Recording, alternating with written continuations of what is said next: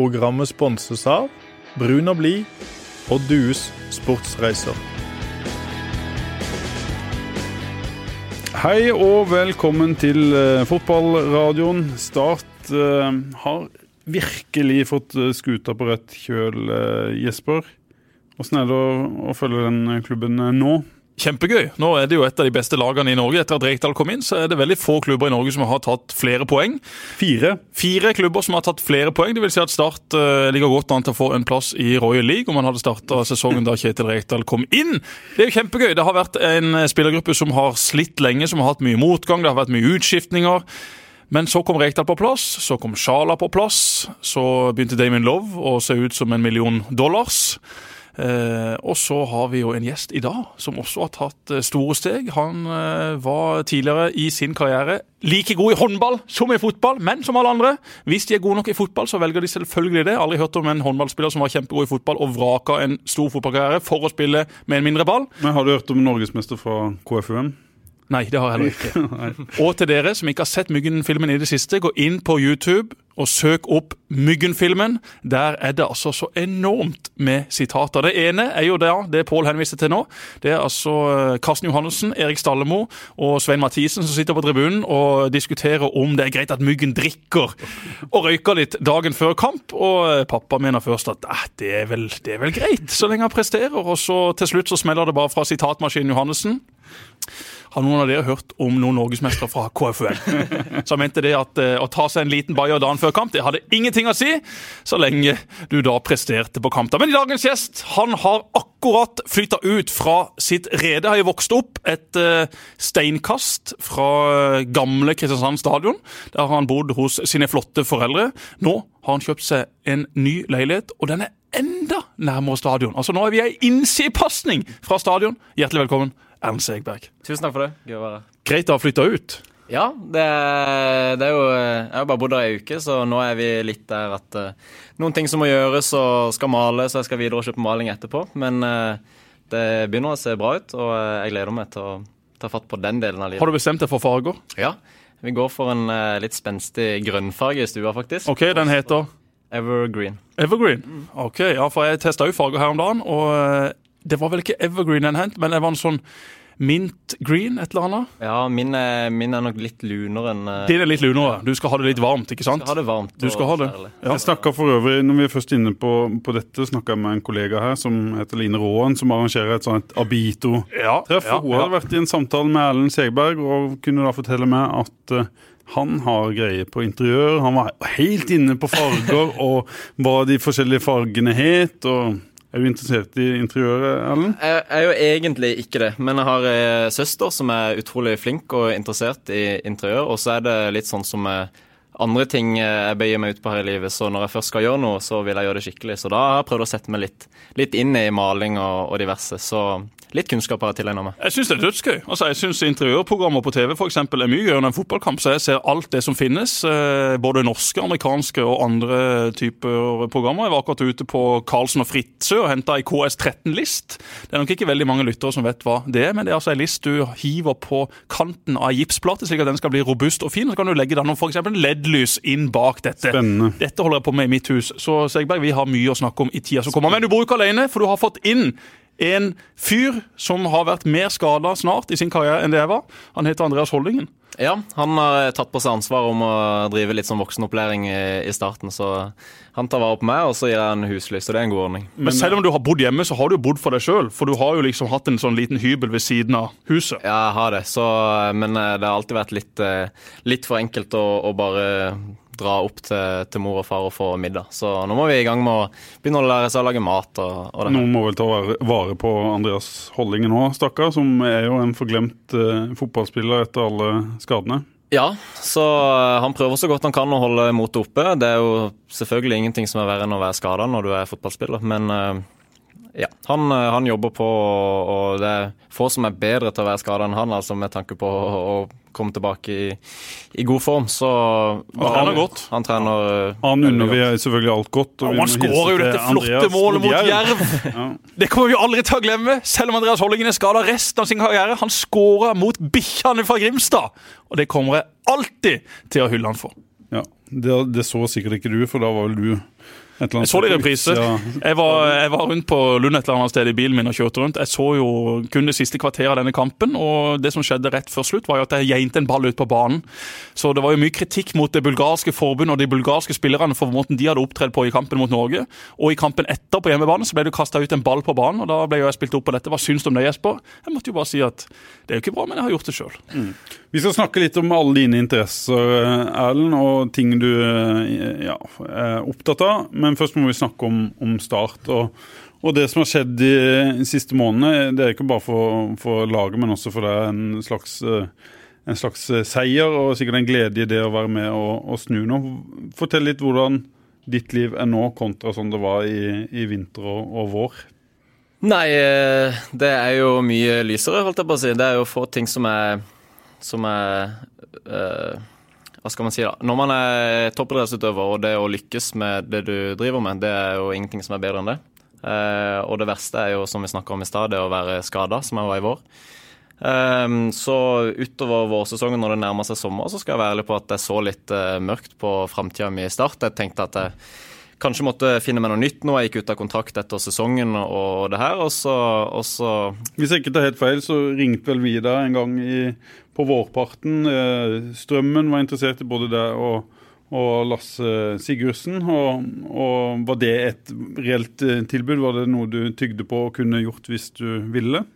Eh, jeg visste at det var interesse fra Strømmen, men om det hadde blitt de om hvis jeg skulle dratt fra start, det, det vet jeg ikke. Men, men, jeg skal være så ærlig innrømme at jeg var ganske forberedt på at, jeg ikke hadde en fremtidig start i sommer, med tanke på jeg hadde vært ute lenge, jeg hadde ikke fått vist meg fram. og Vi var midt i en tøff periode, og det var mange gode spillere som var kommet inn, selv om ikke de hadde kanskje levert så bra ennå. Så, så, det var jeg innstilt på. Men så ble jeg skadefri, og laget var inne i en tung periode. Vi fikk ny trener, Kjetil.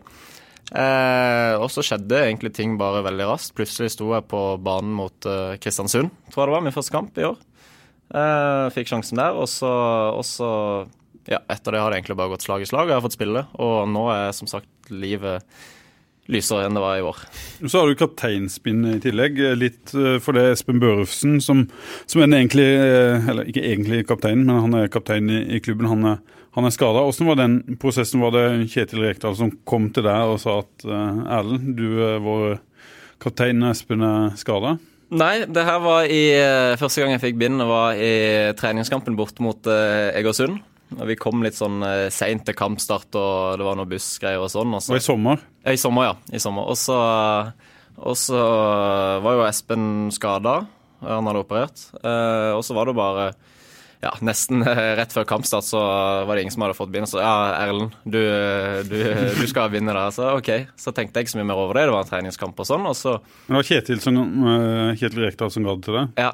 Og så var det egentlig aldri noe mer eh, snakk om det. Og så når vi var i, i Brann, som vel var neste kamp etter sommeren, så ja, fikk jeg beskjed om at eh, jeg skulle ha, være kaptein i den kampen også. Og så har jeg bare hatt det siden. Hva betyr det for, eh, for deg? Eh, det er selvfølgelig utrolig gøy.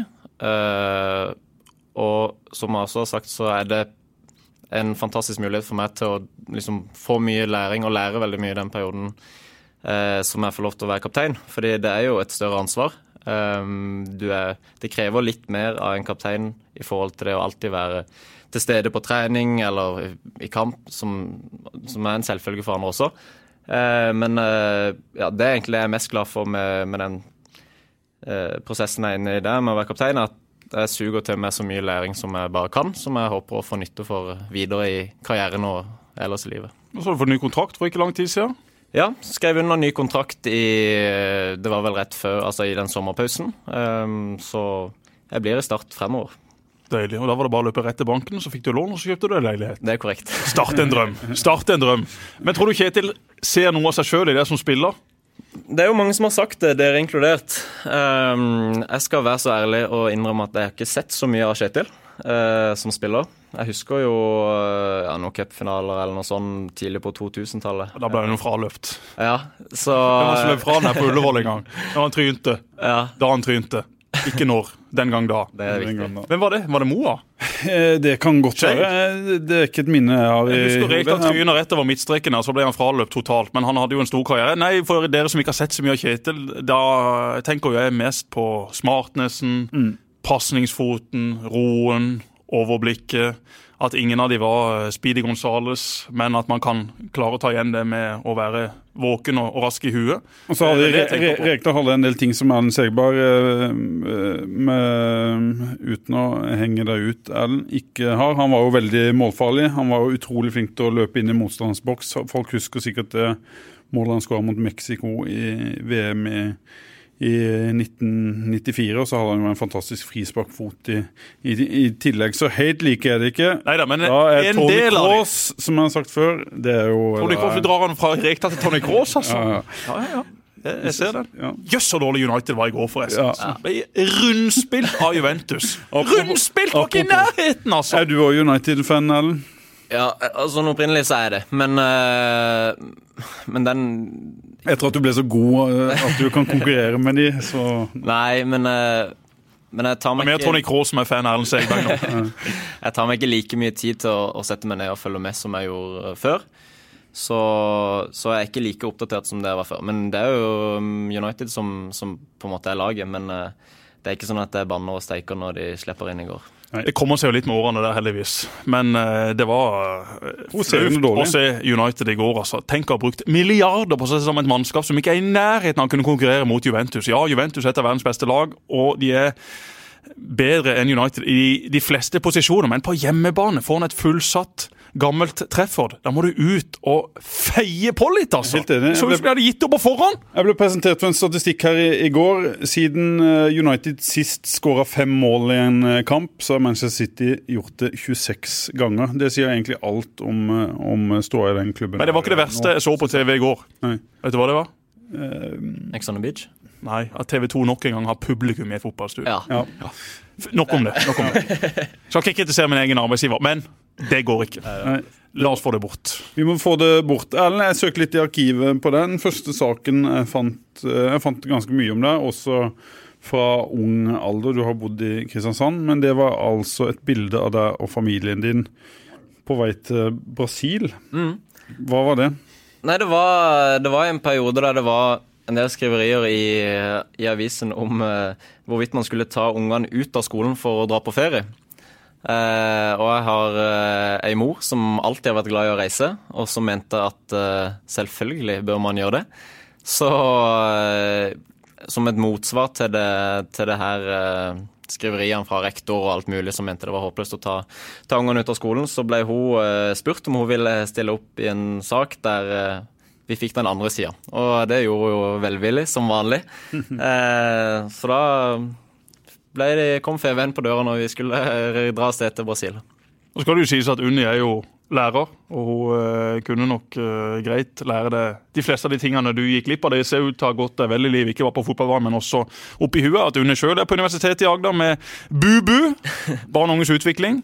Eh, dessverre så har jeg ikke klart å overføre for mye av det til Svein, for det er jo bare eh, fortsatt eh, Hakkebakke-skolen Men har du hatt. Unni, Unni som lærer? Jeg møtte jo mora til Jeg har hatt Erlend, Unni som lærer. Med Meg og med Morten. Hestad. Vi hadde Unni eh, på skolen, vi. Vi hadde hun eh, på universitetet. Og så hadde vi jo da eh, slike unger, eller litt yngre lag, som da vi skulle trene og utvikle og, og, og forske litt på. da. Så vi hadde en fin tid sammen oppe på skolen. Og Unni har jo alltid vært, om det er i starthallen eller på gamle stadion, altså alltid når du var på gamle stadion i gamle dager, så kom Unni vandrende. Det er jo ikke lange veien fra huset opp, men opp der, snakka med ungene, så på ungene. Altså alltid vært sånn oppriktig interessert. Og alle som har vokst opp på Kristiansand stadion Jeg har ikke vokst opp der, jeg har vokst opp på Gimlekollen, men jeg var jo en del hundre timer også på stadion. Man kjenner Unni. Man vet at uh, Unni er ei dame som elsker idrett, som elsker fotball. Så peiling på fotball, ikke minst. Hun har peiling på fotball. Men hun er litt sånn skap, skap Rosenborg-fan, er hun ikke det? For hun er jo egentlig fra disse traktene. Eh, jo, mamma er fra Trondheim, eh, så Men semifinalen i cupen Ja, ja, det er ikke tvil. Hun Det er 100% start. Ja, ja, Ja, det, det er ikke tvil. Eh, så hun har jo bodd der nede i jeg vet ikke hvor mange år, 25-30 år eller noe sånt. Så det er Start som er, som er laget hos sitt. Men uh, hun følger jo med på Rosenborg og, og, har jo mange kjentfolk både i og rundt klubben som, som hun har mye kontakt med. Og, og holder jo selvfølgelig litt med de også, men i cupen så er det ingen tvil. Da er det Start som gjelder. Men apropos barn og unges utvikling, Ellen. Du som spiller. Mm. For to-tre år siden, ja, du var like smart, du var like pasningssikker. Men i mine øyne så var du for slapp. Du var ikke godt nok trent, du var ikke maskin nok. Der har det skjedd noe. Der har du virkelig tatt tak, og derfor har du nå tatt det steget inn på et uh, bra A-lag i Eliteserien. Ja, Hva eh, gjorde du? Når forsto du det? Hva gjorde at du forsto det?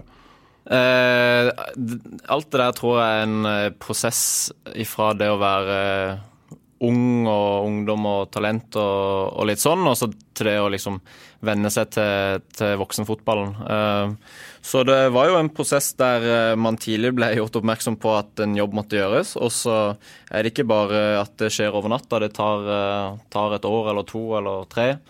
Der man bare har jobba knallhardt og målbevisst gjennom hele den tida. Og så er jeg jo helt enig i at jeg har blitt mer robust, mer fysisk og fått større løpskraft eh, nå. Men misforstå meg rett når jeg sier slapp. altså Det er jo enkelte spillere som det også som er der ved ung, som har hatt det relativt enkelt og lett fordi at man flyter på andre ting. altså Når man spiller sånn press i 16, altså når man skal inn og prøve å vinne ballen, så er det jo idiotene som løper. Men Erlend vi står i et hjørne, sender baller rundt, løper litt inn i midten, flikker og flakker og har god oversikt. Og kan sånn sett hvile oss litt mer enn enkelte andre. Og Der syns jeg jo at du har kommet. Du spiller jo fortsatt i en posisjon hvor det viktigste er å være smart, hvor det er å være trygg med ballen. Men det settes jo også nå etter hvert enorme krav til dette som går på bevegelighet og kondisjon. Så det er jo sikkert noe du kan utvikle enda videre. Men nå virker du som du har forstått dette. For mm. du var jo en av de unggutta hadde bare lyst til å filleriste. Kom an, Erlend! her Forstår du ikke at du har noe å komme med hvis du bare hever det nivået ditt på de tingene? Ja, For du har jo alltid vært en så smart fotballspiller. Du har sett at han kan spille, han har teknikken, han er en oppegående fyr. Hvis det hadde kommet fra deg, Jesper, hvordan tror du det hadde blitt uh, tolka? Hva sa du? Hvis det hadde kommet fra deg, hvordan tror du det hadde blitt uh, tolka?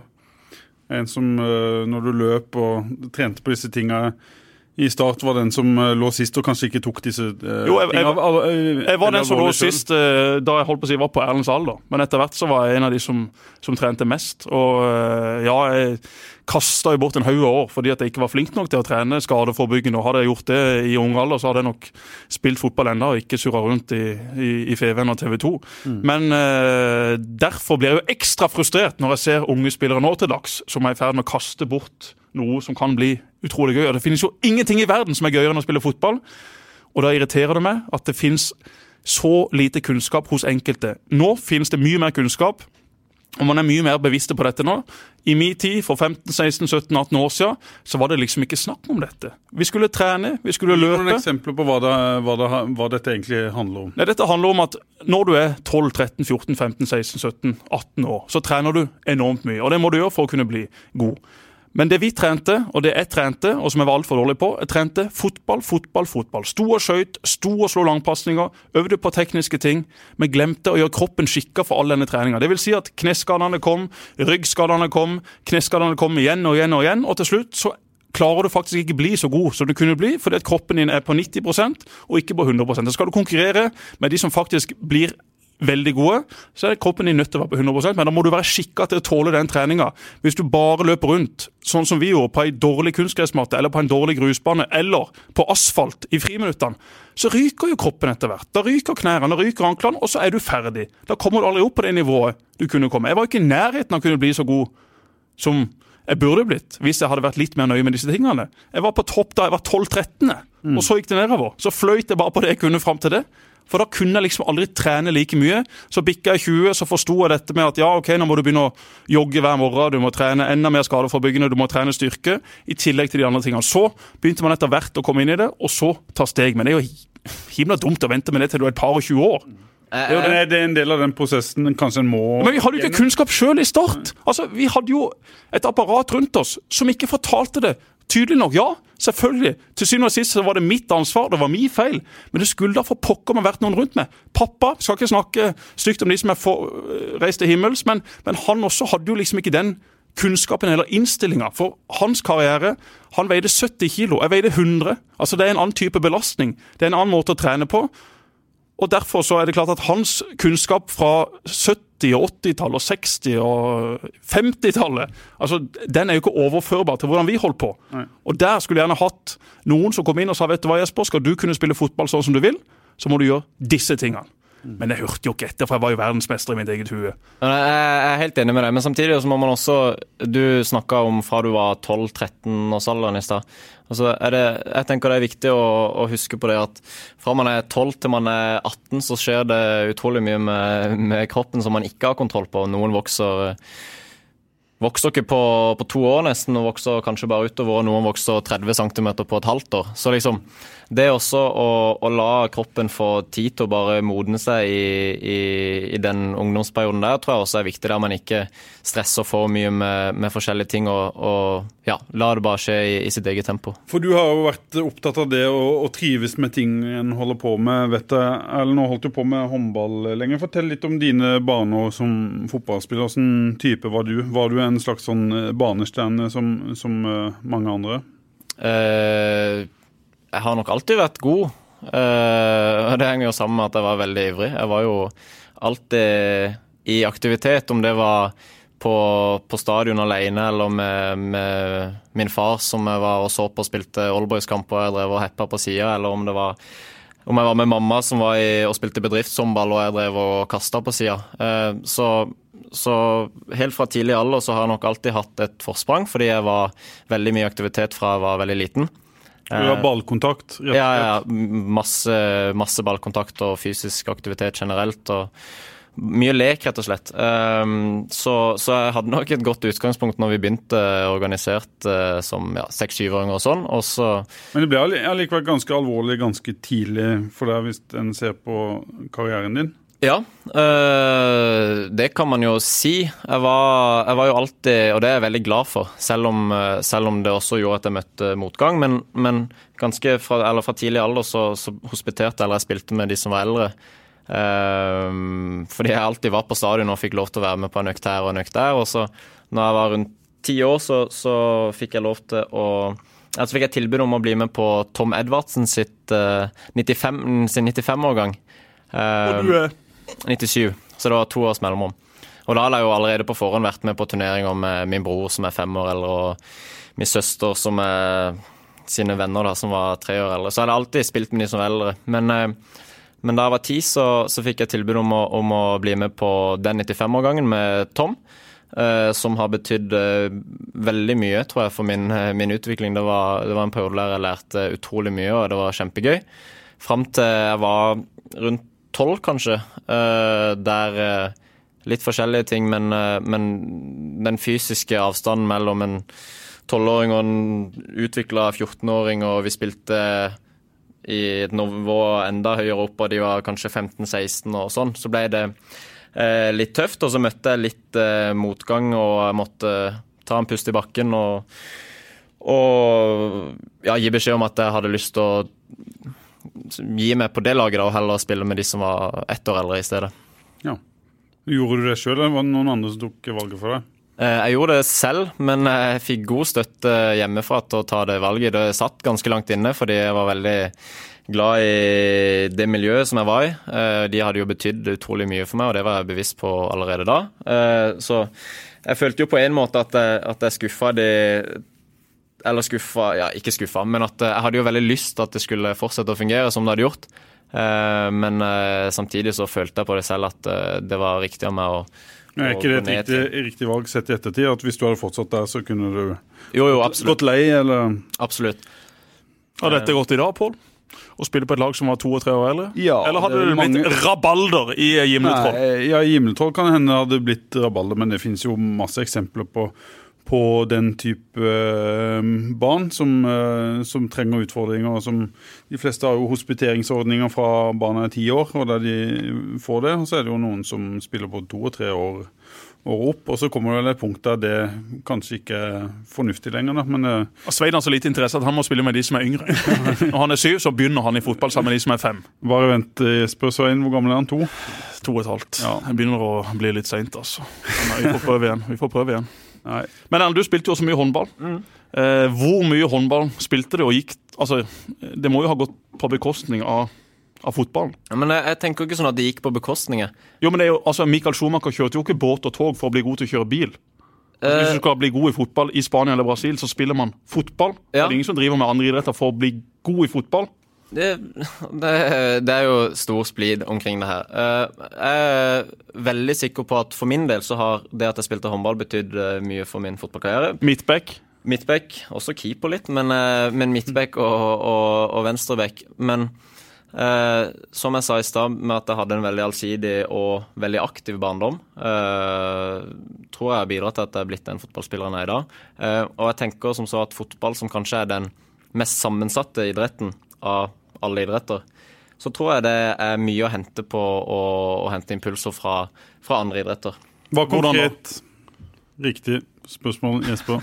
Det går på f.eks. For i forhold til dere sier jo at jeg har en, eh, et klokt fotballhode og god til å orientere meg og sånn. I håndball så skjer ting mye kjappere.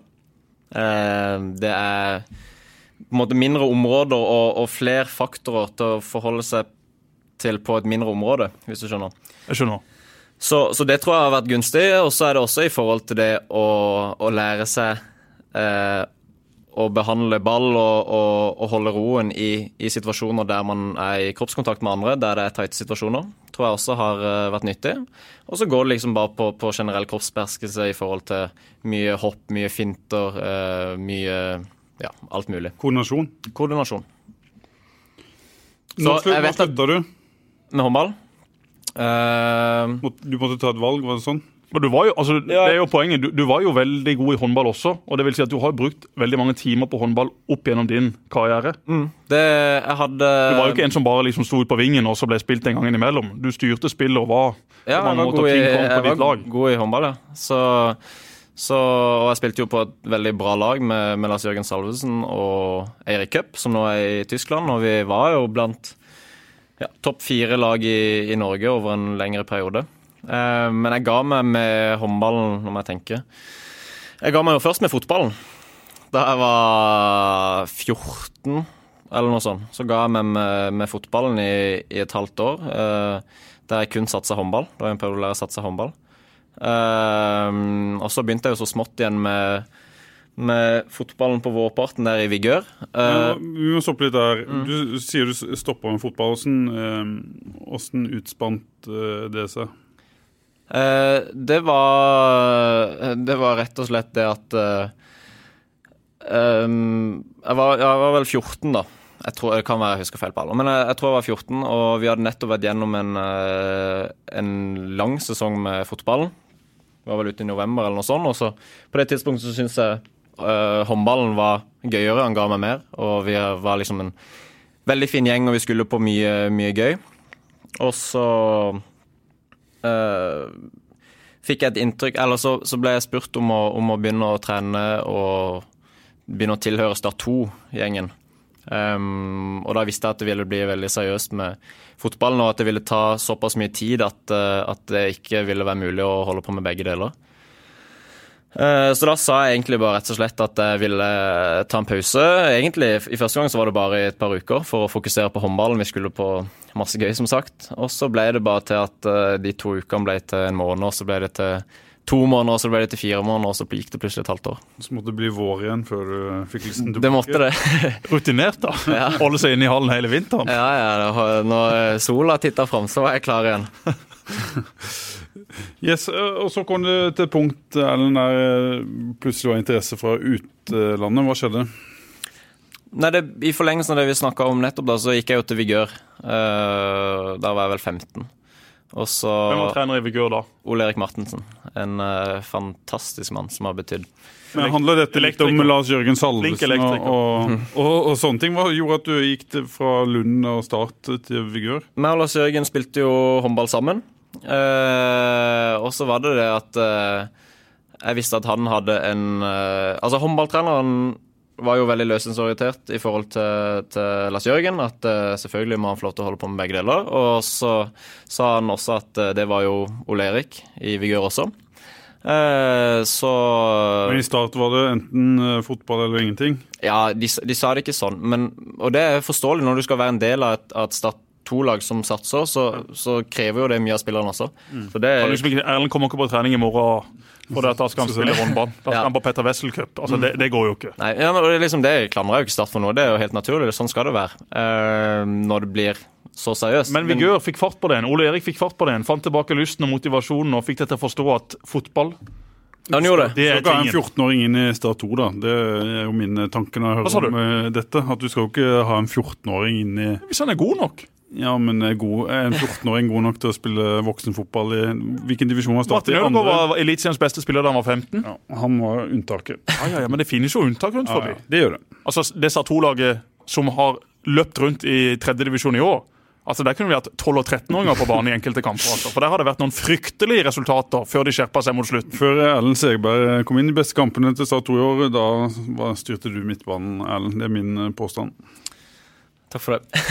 Men videre da med Ole. Erik Vigør. Altså, Du tok jo turen fra Lund til Hellemyr, noe som i seg sjøl er ganske sykt. Men du gjorde det iallfall. Ja, jeg gjorde det. Og så var det jo eh, Det hang jo sammen med at, eh, at jeg visste at de var en veldig fin gjeng, og de hadde en, eh, en utrolig bra trener som jeg fikk tidlig inntrykk av. Og litt av en innstilling til selve spillet og alvorligheten med det. Ja, eh, som på en måte avvæpna litt det her hvor alvorlig det skulle være. Og, og jeg fant virkelig tilbake gnisten og gleden ved fotballen igjen. Og det var, det var Ja, de årene i Vigør der med den gjengen, det var, det var utrolig gøy. Vi kom jo langt i junior-NM med den gjengen. Kom til kvartfinalen, røyk mot eh,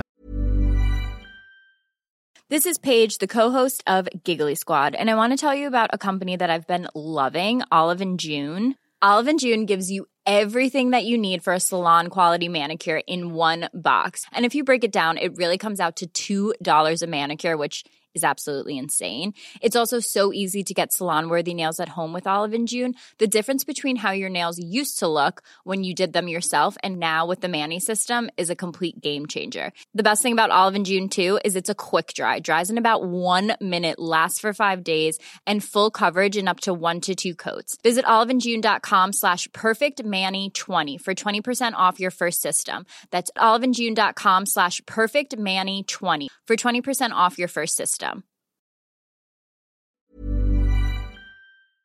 Lillestrøm med Ohi og Ofgir og Fred Friday.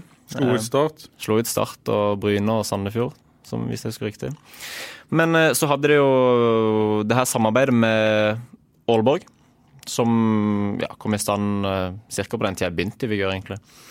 Men da jeg var 15 nei, 16 var det vel, så var det vanlig praksis at Vigør sendte ned de ja, to-tre som var kommet lengst. Eh, I mitt tilfelle så var det to, meg og Fredrik Karlsen, eh, som skulle delta på en sånn sommerturnering med, med Aalborg eh, på Skå Cup. Og så reiste vi ned. Det, var, det hadde skjedd både året før og året før der. Og så bare spilte vi og hadde det gøy, egentlig. Og så idet jeg skulle reise hjem, så ble jeg bare tatt til side av, av treneren som var på det laget, og de sa at de ville ha meg ned igjen om et par dager for å være der i ei uke og trene. Eh, så kom det litt brått på, men jeg snakka med, med mor og far, og vi ble enige om at det er jo gøy. En uke til i Danmark kan vi jo leve med. Eh, og så reiste jeg ned og spilte et par kamper og, og bodde på det internatet de hadde der. eh, og tenkte egentlig ikke noe særlig mer over det heller, men idet jeg skulle reise hjem på ny, så, så tok de kontakt og sa at de ønska å ha meg ned for godt. Og da gikk det ganske kjapt, og så var du nede i Aalborg og Bilka for godt. Ja, ikke for godt, det ble jo bare et halvt år, men eh, Jo, jo, men det var, det var meninga du skulle være der noen år. Var det for og, for og mot? Mye, mye, du endte jo på for. Og hva var, det, hva var det i tilbudet? Altså det å få oppfølging, Var det økonomi involvert? Var det at du fikk eh, håper jeg, å si, en, en skolegang som var OK? Altså Det må jo ha vært noen sånne ting også som spilte inn, for du har jo ganske oppegående foreldre. Du hadde jo ikke lov å reise ned dit kun for å spille fotball. Eh, nei, det var uh, Sånn som jeg forsto det da, i hvert fall. Jeg, jeg, jeg tror det er sånn også, men det var skolesystemet mellom Norge og Danmark var ganske ulikt. Så det vil si at hvis jeg hadde begynt på skole der, så kunne jeg ikke bare gått tilbake til Norge og fortsatt. Så, og i og med at det var litt sånn der tvil om, om hva jeg egentlig ville, og hva som, hva som var best for meg, både menneskelig og fotballmessig, så, så kom vi fram til et, et, et eh, kompromiss der jeg fortsatte skolegangen min på KKG, der jeg nettopp hadde begynt. Eh, og all honnør til de som la Strålende skole. Ja, Strålende skole. bra med Svela og Frode spesielt, som la fantastisk til rette. Eh, Fredriksen og Svele, ja.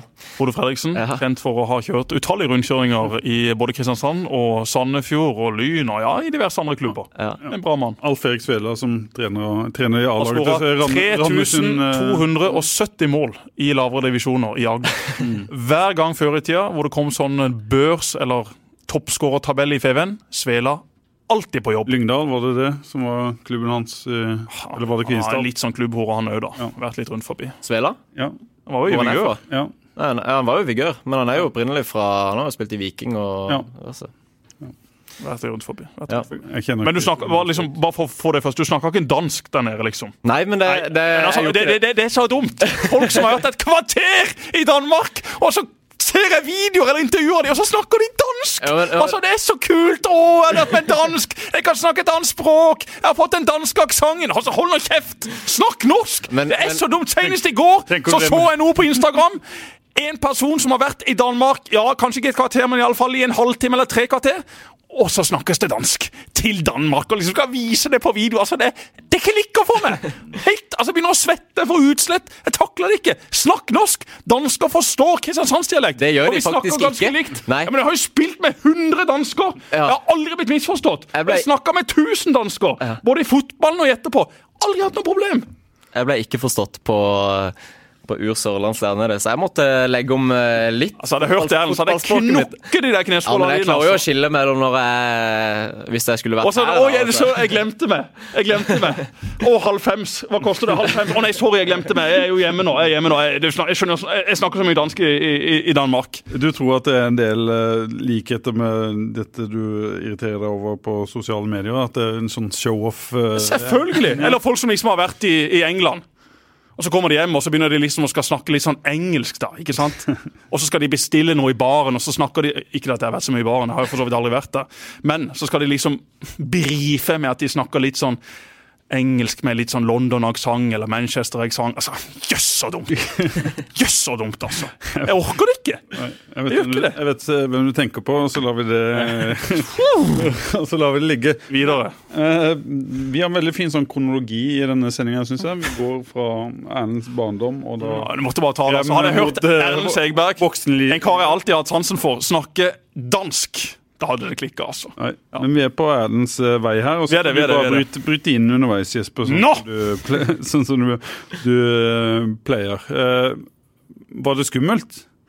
Uh, jeg vil ikke si skummelt, men det var Visste jo ikke helt hva, hva man gikk til, så jeg var jo veldig spent. Uh, men jeg så jo veldig fram til det. Men samtidig, så når jeg var ganske i tvil på, på hva som ville gagne meg mest, så, så kom vi jo fram til den her kompromisset som jeg prøvde å forklare om før Jesper brøt inn. Der jeg gikk på skole og fikk oppfølging, eller jeg tilhørte KKG. Fikk oppfølging og var litt hjemme på skole. Og så var jeg eh, der nede i hvert fall onsdag, torsdag, fredag, lørdag og trente godt og spilte kamp. Ja. Så du ble godt kjent på danskebåten? Veldig. Eh, og da fant jeg ut at Kanskje ikke si det her, men, eh, men du kan jo gå opp i den her vippen. De sjekker jo aldri der. Så det er jo Nei, bare Vippen, altså, det vil si disse setene som ser ut Ja, som et fly, ikke sant? Ja, ja. Det er bare å gå opp der. Ja, ingen som sjekker. Nei, veldig sjeldent. Det er det. Men hva opplevde du sportslig i Danmark?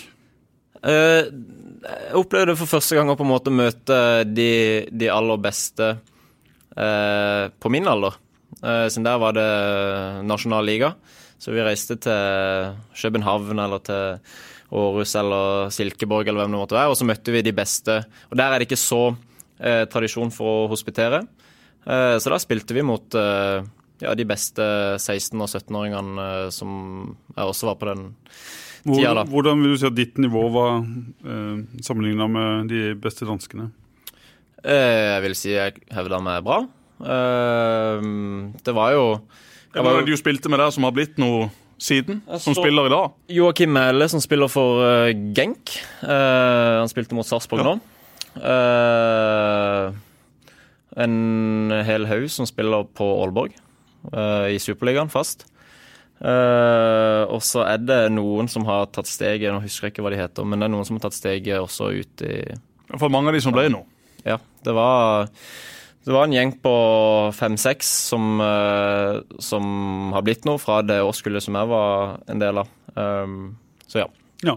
Og så uh, valgte du til slutt å flytte hjem etter kun et, et halvt år. Var det hjemlengsel? Var det, var, var det som Jeg fant ikke, jeg fant meg ikke helt uh, rette der nede. Og sånn det kan godt være fordi man ikke gikk all in fra starten, og at jeg flytta ned og liksom begynte på skole og alt sånt der.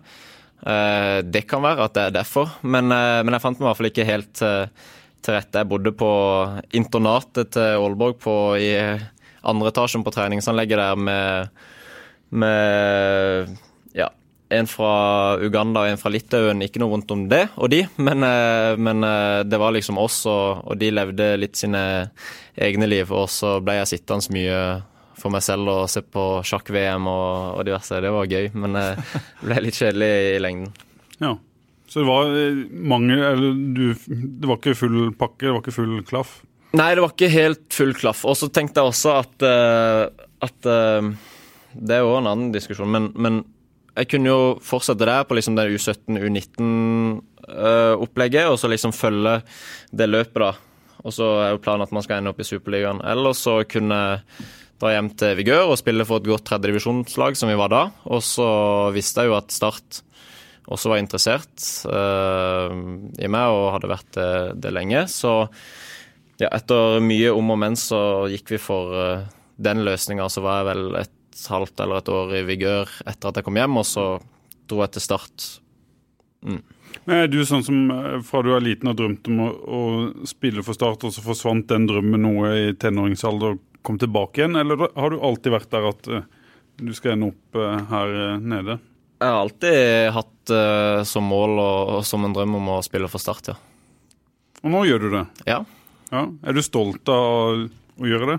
Han er jo starter, og det er jo liksom poenget. Ja, ja. Vigør, fantastisk talentfabrikk, og de har fått fram en del spillere. Men det er klart, altså Erlend Segberg, som har vokst opp i Start, og som har vært i Start i 100 år, og som har bodd på Kristiansand stadion. Altså, Han ble jo ikke liksom god på Hellemyr. All ære til Ole Erik og den jobben de gjorde der oppe. For Ole Erik, strålende kar, og Alf Erik altså Alle som har vært i Vigør, har jeg kjempemye respekt for, og jeg liker det faktisk veldig godt. Men det er jo ikke sånn at Vigør utvikler Erlend. Erlend utvikler seg i Start, og han utvikler seg først og fremst sjøl, slik de fleste andre som blir gode, gjør. Jeg er helt enig. Eh, og jeg må bare, Det har vært noen navn som jeg har nevnt her, men jeg spilte jo min første kamp i, i startdrakt da jeg var tre eller fire år gammel, på, i Sebra Cup for de som var litt eldre. Og... Den finnes ennå, eller? Ja, ja, den men ikke på stadion.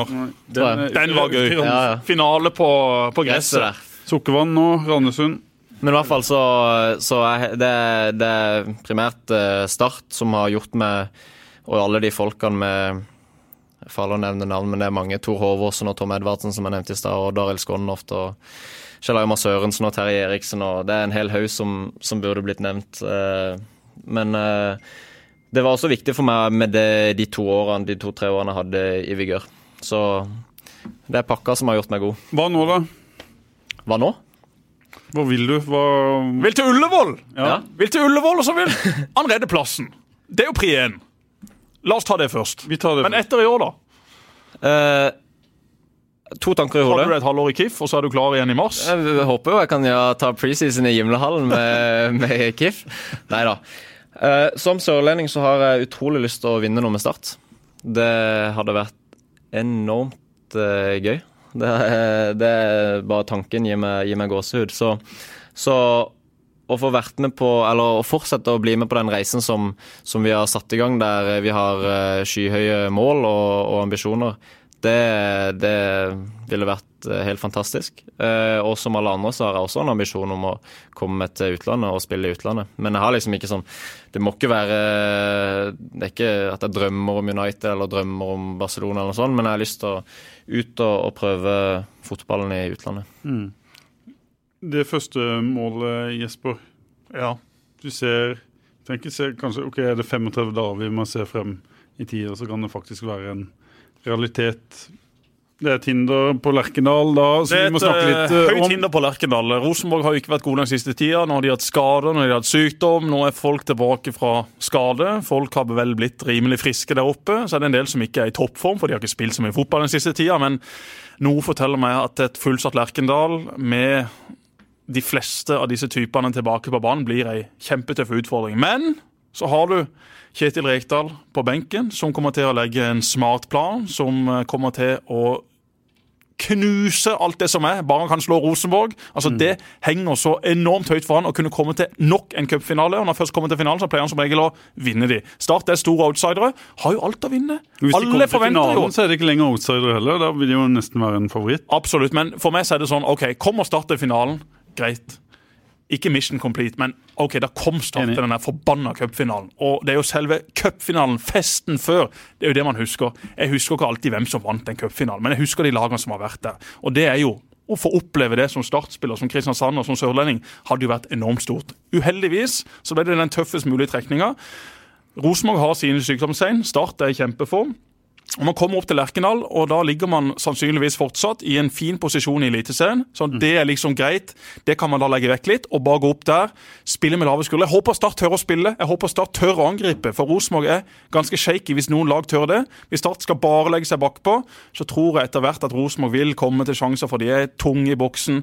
De har Aldrik Benro tilbake nå. Tronsen begynner å bli 100% Bentner, ja, ikke så veldig god. Han skal vel i rettssak dagen etter. Går et fly fra Trondheim husker jeg at jeg sjekka, på morgenen, som gjør at han kan komme til København en time før selve rettssaken begynner. Så det løser de helt sikkert. Ja. De kan sikkert chartre et eget fly også, de der oppe. Men det skulle si, start alt å vinne. Det blir tøft, men muligheten, den ligger der. Du tenker sikkert på Molde på mandag nå, Erlend, men vi må snakke litt om, Erlend tar én kamp av gangen. om, eh, om eh, denne muligheten som, som ligger der. Snakker dere mye om, om kampen mot Rosenborg og den muligheten? Eh, Vi snakker ikke mye om han, men, men vi gleder oss ekstremt. Og vi håper jo at det blir fullsatt på Lerkendal og ordentlig trøkk. Og, og så er det jo litt sånn når det har vært uh, tungt i, i serien uh, og liksom mye press uh, og sånn der, så er det jo Cupen er jo et fristed. der man, selv om det er mye å spille for, så spiller han med litt, litt lavere skuldre, og det er en bonus. Så, så vi bare gleder oss masse, og i den formen vi er i nå, eller den følelsen vi går inn med i kamp der vi vet at vi nesten ikke slipper inn mål, kanskje maks ett, hvis du ser bort fra, fra Vålerenga. Og vi kommer alltid til sjanser, og vi har begynt å skåre på dødball og alt sånt, så Den største endringa som har skjedd med laget siden før sommeren, er nok den mentaliteten at nå går vi ut på banen og, og føler at vi kan gjø- hamle opp med, med hvem som helst og skape problemer. for yes, for en dødballvariant oppe i Tromsø der, da! Altså, det må vi jo prate om. Ja. I alle fall i et lite minutt. Ja. Jeg skjønte ikke hva som skjedde. Nei, jeg skjønte heller ikke hva som skjedde. Du, har ikke, du har bare eh, sett med et halvt øye at noen har øvd på noe på Ja, jeg er ikke så vidt registrert, og så, og så plutselig var Sjala gjennom, og så skjønte jeg ingenting, og så var det mål. Enorm Altså, prestasjon, altså. Først eh, chipen til Tobias, og at uh, Sjala liksom klarer å få med seg ballen i såpass høy fart, og så bare legger han enkelt i hjørnet. Og så Joey Harlason, da. Ja. Vår kjære islending. Selvfølgelig var det han som kom opp med dette trekket. Det er den eller Aremu sitt eh, mål i Molde da, som blir årets mål i, i Start. Får vi se på slutten. Hvis ikke Erlend Segberg Kommer nok noe. kommer Men Erlend, i sommer, da Rekdal ble lansert som starttrener, hva var det første du tenkte da? Uh, litt sånn uh, blanda. Man har jo, hadde jo hørt uh, mye om han fra før. Ja. Uh, og Men tenkte du liksom Unnskyld uttrykket, men helvete, nå blir det tøft. liksom. Nå blir det mye løping og kjefting, og nå skal vi få inn en gærning i garderoben. Eller var det sånn jøss, dette kan være akkurat det vi trenger, for vi trenger en klar og tydelig stil, og vi trenger en klar og tydelig leder. Uh, mest det siste. At, uh, Men litt det første. Ja, ikke, ikke nødvendigvis at det kommer til å bli så hardt, og sånn, men, men man har jo som med alle trenere så har man jo hørt forskjellige ting. Eh, og, og det er liksom I en gruppe så vil jo alltid være noen som, som er misfornøyde og, og, og sånn her. Eh, og han har jo vært en kontroversiell eh, person opp igjennom. Men Ikke eh, gått så stille i døra.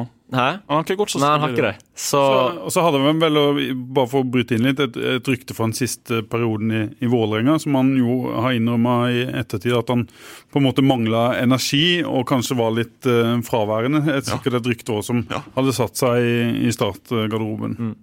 Men i hvert fall så, så ble han jo ansatt, og egentlig fra, fra første dag så har det vært uh, full klaff egentlig med spillergruppa og fra min side. Han, har, han, kom inn, og så oppdro han en gjeng uh, litt unge gutter til å bli menn. Så Kjetil har virkelig satt sitt preg. Og, Gi noen eksempler. Det handler om uh, er vanskelig å, beskrive, men det er hele væremåten han er på. Uh, han er jo autoritær på sin måte, uten å være frekk eller noe sånt. Men han bare oser av, av autoritet. Og så samtidig som han er veldig flink til å ufarliggjøre farlige ting. Nå gjorde jeg gåsetegn for de som ikke ser på. Mm. Men uh, Vi har like mange seere som Eurosport. Ja. Null. Nei, det, det, det, er vanskelig å, å, å, beskrive noen, akkurat hva han har gjort. Men han har, han har endra mentaliteten og, og liksom på kort tid Uh, hva skal man si, fått oss til å vokse opp, da, til å bli, Se for meg at, menn. Altså, den måten han er på, som du sier, ja, han er ikke den som trenger å kjefte og smelle og være frekk. I kraft av at han er Kjetil Rekdal, i kraft av det han har gjort som trener og som spiller og som mediepersonlighet, så er det liksom ikke noe tvil om at vet du hva, han vet hvor skapet skal stå, han forteller oss det, og vi må, må, må bare forholde oss til det. Ja. det er ting, en ting jeg lurer på, bare stoppe litt der. Dere to som har vært fotballspillere, står på utsida. og en ting som slår... Ja, men ikke... Rimelig god i, i, i de ja. tider borte i Aust-Agder. Ja, ja. En av de bedre Aust-Agder hadde. Ja, men ikke på det nivået som som eh, voksen. Men det at en person kommer inn i en gruppe og så sier han noen ting, både innad og utad også til oss, og så stemmer de tinga han sier, eller han opplever at de tinga han sier, stemmer. Hva betyr det for en, en spillergruppe? Start har hatt mange trenere de siste åra som har sagt at vi skal dominere kamper, vi skal bli så gode at vi kan spille ut motstanderen. Så kommer en på en måte aldri der, da. Mens Kjetil Rekdal har sagt at først må vi lære å unngå å tape, slippe inn mindre mål og ta tak i de tinga som, som kanskje er enkle å ta tak i, men så klarer han det faktisk. Hva, hva betyr det? At de tinga han sier og setter fokus på, fungerer? Uh, det er jo litt sånn Greit nok at han sier det til media, men han sa jo det samme til oss. Uh, og det er på en måte hans uh, kanskje beste menneskelige egenskap, er jo at han er dønn ærlig på, på alt, så, så, og veldig tydelig. Så når han sa det, og i kraft av ja, den rollen og, og, det budskapet og den autoriteten han kom inn med, så var det ganske lett for spillergruppa å sluke det budskapet. Første fokuset han hadde, var vel å ikke miste ballen på egen bane? Ja, det og samt å få struktur i, i laget. Og så det var jo liksom Fotballtrener er jo en selger. Altså, Du hører jo ikke på en selger eller eh, en eh, aksjemegler som skal prøve å selge deg en aksje, hvis ikke det stemmer. Du, altså, Hvis ting stemmer, ja, så hører du på han gang på gang på gang. Da får du troverdighet. Det samme er som en trener. Hvis en trener står i garderoben og sier vet du hva, nå skal vi ut, vi skal spille på den måten, vi skal gjøre sånn og sånn, fordi at motstanderen kommer med det laget, med den formasjonen, de angriper på den høyre sida, hvis vi låser de av på den sida, så skal de prøve seg på venstre sida, der er de ikke like gode med ballen. Ok, Så går du ut på banen, så gjennomfører du den planen, så funker det, så vinner du kamper. Da har du fått selvtillit, treneren har fått selvtillit, og når han da selger inn et nytt budskap, budskap, så tror du på det. At Start tok sølv og nesten gull i 2005, var mange grunner. Men den største grunnen var at Tom Nordli var verdens beste selger. Alt han sa, slukte spillerne rått, og de trodde 100% på det. Offensivt, defensivt, i garderoben. Ja, han sa selvfølgelig ting som etter hvert gjorde at det ble litt slitasje, men måten han solgte inn et budskap på Jeg husker sjøl jeg sto eller, Jeg sto ikke, eh, men vi sto nesten for vi var så gira. Men jeg satt på et spillermøte i Drammen, og det var da i 2004, mener jeg, i førstedivisjon. Og Tom sa vi skal bli det best trente laget i Norge. Ingen skal løpe mer. Vi skal ha et høyt press som Fotball-Norge aldri har sett maken til. Og du trodde på det. Du trodde på det, for du så rundt deg og tenkte jøss, han her karen han er gal nok til å få oss til å gjøre dette. Og Doffen og Strømstad og Marius og Steinar altså, De gjorde jo akkurat som han sa, og derfor ble Start Norges beste lag. Man tapte det gullet til Vålerenga, men man burde vunnet. Først og fremst var det Tom var verdens beste selger. Og selgere og fotballtrenere de har faktisk eh, ganske mange likheter. Det er klart at Tusse er jo en god, god selger. Han selger jo enormt med penner, men han hadde ikke vært en stor fotballtrener. Så det finnes også noen som ikke er helt like. Men for å selge inn et budskap det var veldig langt forklart, så er det viktig at eh, du faktisk sier noe til en spiller, at de tror på det, og de sier at det funker, så vil de bare tro mer og mer og mer. Og der har jo Reka kommet nå. Hvis dere reiser opp til Trondheim og sier i dag skal vi forsvare oss med ni mann, og så skal ikke Niemi løpe på topp. Fett! Det har vi tro på. La oss gå ut og gjøre det. Mm. Ja. ja, kan selge sand i, sel, selge sand i Sahara, Kjetil. Og så har du noen trenere som ikke kan selge vann i Sahara engang. Og derfor får de etter hvert sparken, og så rauser de ut av fotballen. Fullt fortjent. Jesper stiller spørsmålet til deg, for jeg tror ikke Erlend øh, svarer helt ærlig på det. Eh, overlever Start, eller er faren over? Faren er ikke over, men Start kommer til å overleve. Jeg trodde Start skulle få øh, kvalik før sist kamp. Reiste man opp til Tromsø, slo Tromsø. Nå tror jeg Start kommer til å ende på sikker plass. Jeg tror uh, Stabæk går direkte ned. Jeg tror fort Godset kan være det laget som kommer på kvalikplass. Nå er Markus Pedersen ute resten av sesongen. Det kan jo faktisk være en styrke, for ja, han har skåra mange mål. Ja, alternativer. For Eliteserien uh, akkurat nå. Men han har vært ekstremt dårlig den siste perioden. Så har de kvalitet på den plassen som vi har snakka om før. Det har de. Så det er klart at uh, Men kroppsspråket til godset-spillerne, måten de fremstår på ikke bare, godset, med, ikke bare godsespillerne. Se på Jostein Flo, ser ut som han kom ut fra en begravelse. etter å Apropos mot eh, dette med å selge inn et budskap. Det ser ikke ut til at spillerne tror på det Bjørn Petter sier for øyeblikket. Der ser du en stor forskjell på Start for eksempel, og Strømsgodset. Der har du i Start elleve spillere som virkelig tror på død og liv at dette er den riktige veien å gå. Mm. Mens i Godset er det noen som tror på det, noen som tror på det, og noen som tror på det. Så løper man i forskjellig retning, så tror man på forskjellige ting, og så får man ikke et solid kollektiv. Og da står man i stor fare for å i alle fall komme på en kvalikplass. Men tror du dette er startplasser berga før de skal reise til Haugesund i jeg håper han er det. For Haugesund eh, på bortebane eh, i regn og vind og ei tung gressmatte. Medalje. medalje eller fjerdeplassjakt. Det er klart at det er jo alt annet enn optimalt. Så for alle oss som eh, har litt dårlig hjerte, så håper jeg at dette her går veien før siste runde. Skulle det bli en skikkelig batalje der, så uh, tror jeg fort at uh, ikke jeg skal se den kampen. For det blir nok Eller se han, jeg må jo på jobb. Jeg må jo se han. Jeg må se han i studio. Du, du får spørre om du kan være reporter på indre bane. Og hvis Start leder, så vet vi Hvis det kommer en ball inn på banen, så vet vi hvem som har kasta den. Jeg har jo familie i Skudeneshavn litt sør for Karmøy. Ja, det bor mormor og morfar. De er riktignok uh, et par 80 år og ikke veldig sprekkete beins, men jeg kan jo sende de, sende de opp en tur. Men Erlend, det kan 32 poeng er jo eh, et, eh, et magisk uh, tall, eller som et, uh, et uh, Hva heter det? Poeng Ja, altså Jeg tror at tre poeng til for Start, det mener jeg holder. Fire ja. poeng, da er jeg sikker på at det holder. En ting, ja, Det er ikke så mange poeng ned, men Start har ganske mange lag bak seg. Når disse lagene skal møtes innbyrdes, ok, ja, det vil komme noen poeng, men det vil også være to lag som tar ekstremt lite poeng. Mm. Derfor vil Start nå klarer å få seg én seier. Det blir tøft nok i seg sjøl. Mm. Rosenborg og Molde hjemmekamper. Sandefjord borte, som plutselig ser ut som et nytt lag etter at de ansatte en spanjol etter at Powell stakk av gårde. Og så mm. Haugesund borte sist. Altså Start har fortsatt det tøffeste programmet igjen.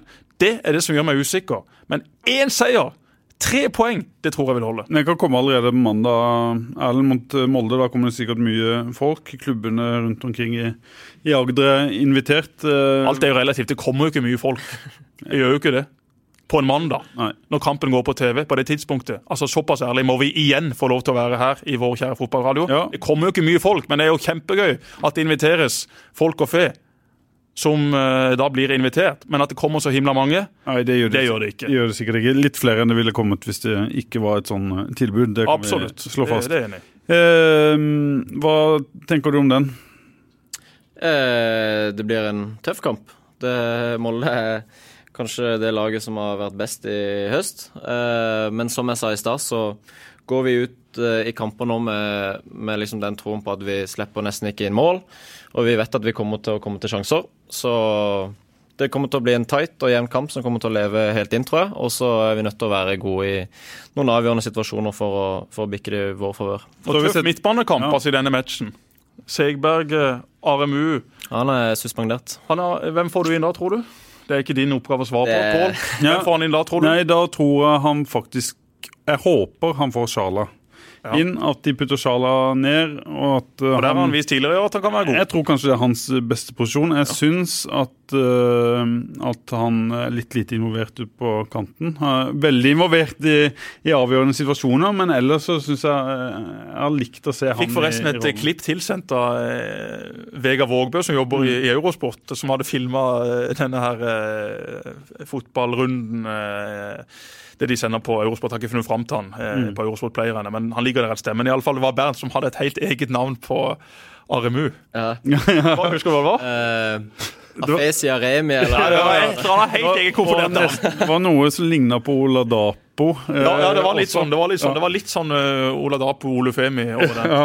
Bernt har forresten skrevet bok, så dere som trenger en julegave, kjøp den boka. Jeg har ikke fått lest den, men jeg regner med å få den i posten snart. Men det, de alternativene eh, tror han eh, Han har jo en del alternativer. Et er å, å sette ned eh, eh, Sjala? eh, Sjala og hive kanskje Kasper Skånes eller Sigurdarsson eller eh, Ja, hvem andre som kan Du kan jo hive inn på Joey i den dype sammen med. Da har du to Joey er- smarte, dype sentrale midtbanespillere. Joey er god på til Joey trening. om dagen, altså. Den er bra. Nå er vel litt vel oppesen, så eh, på noen meldinger fikk han etter å ha gratulert ham med dette frisparkmålet. Ja.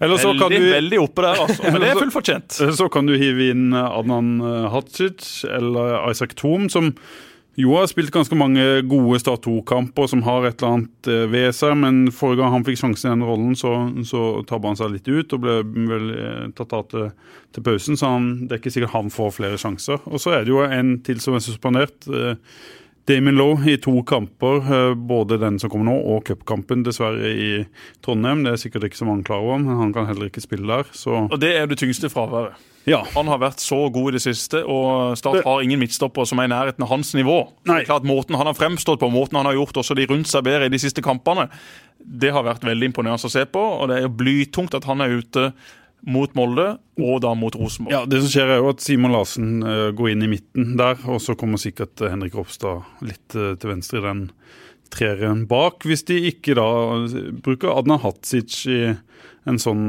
rolle. Vi får se. Ja, Det blir, blir spennende å se. Men Erlend Segberg han må holde seg på, på beina nå de neste ukene, for vi kan ikke ha flere frafall på midtbanen. Det går ikke det. Han må ikke male seg i hjel. Du må få noen til å male. Jeg har en far som er ivrig etter å male. så Deilig. Deilig. Men nå har vi sittet lenge, har vi ikke det? Altså, Vi har sittet lenge, men det passer egentlig litt greit i dag. Fordi at uh, i dag er det sånn uh, Rashahi-aksjon i barnehagen. Og Det vil jo si at man samler inn penger til et godt formål, og det er jo strålende. Jeg skal gjerne gi penger, men så er det liksom sånn samling med alle foreldrene og sånn. ikke sant? Jeg vet du hva, jeg orker ikke. Jeg skal- Så jeg sa til Trine er man ned på sånn podkast i ettermiddag? Nå begynner det. Nei, jeg begynner halv tre, og lenge holder jeg på? Nei, vi holder vel til i femtida, tenker jeg. Så vi har jo fortsatt eh, gode halvannen timer igjen å prate. Det kan, kan vi tre klare. Kan vi holde på så lenge at jeg slipper å gå på sånn juleshowøving med min datter på fem? Hun er jo der i turnforeninga Hun er det, ja?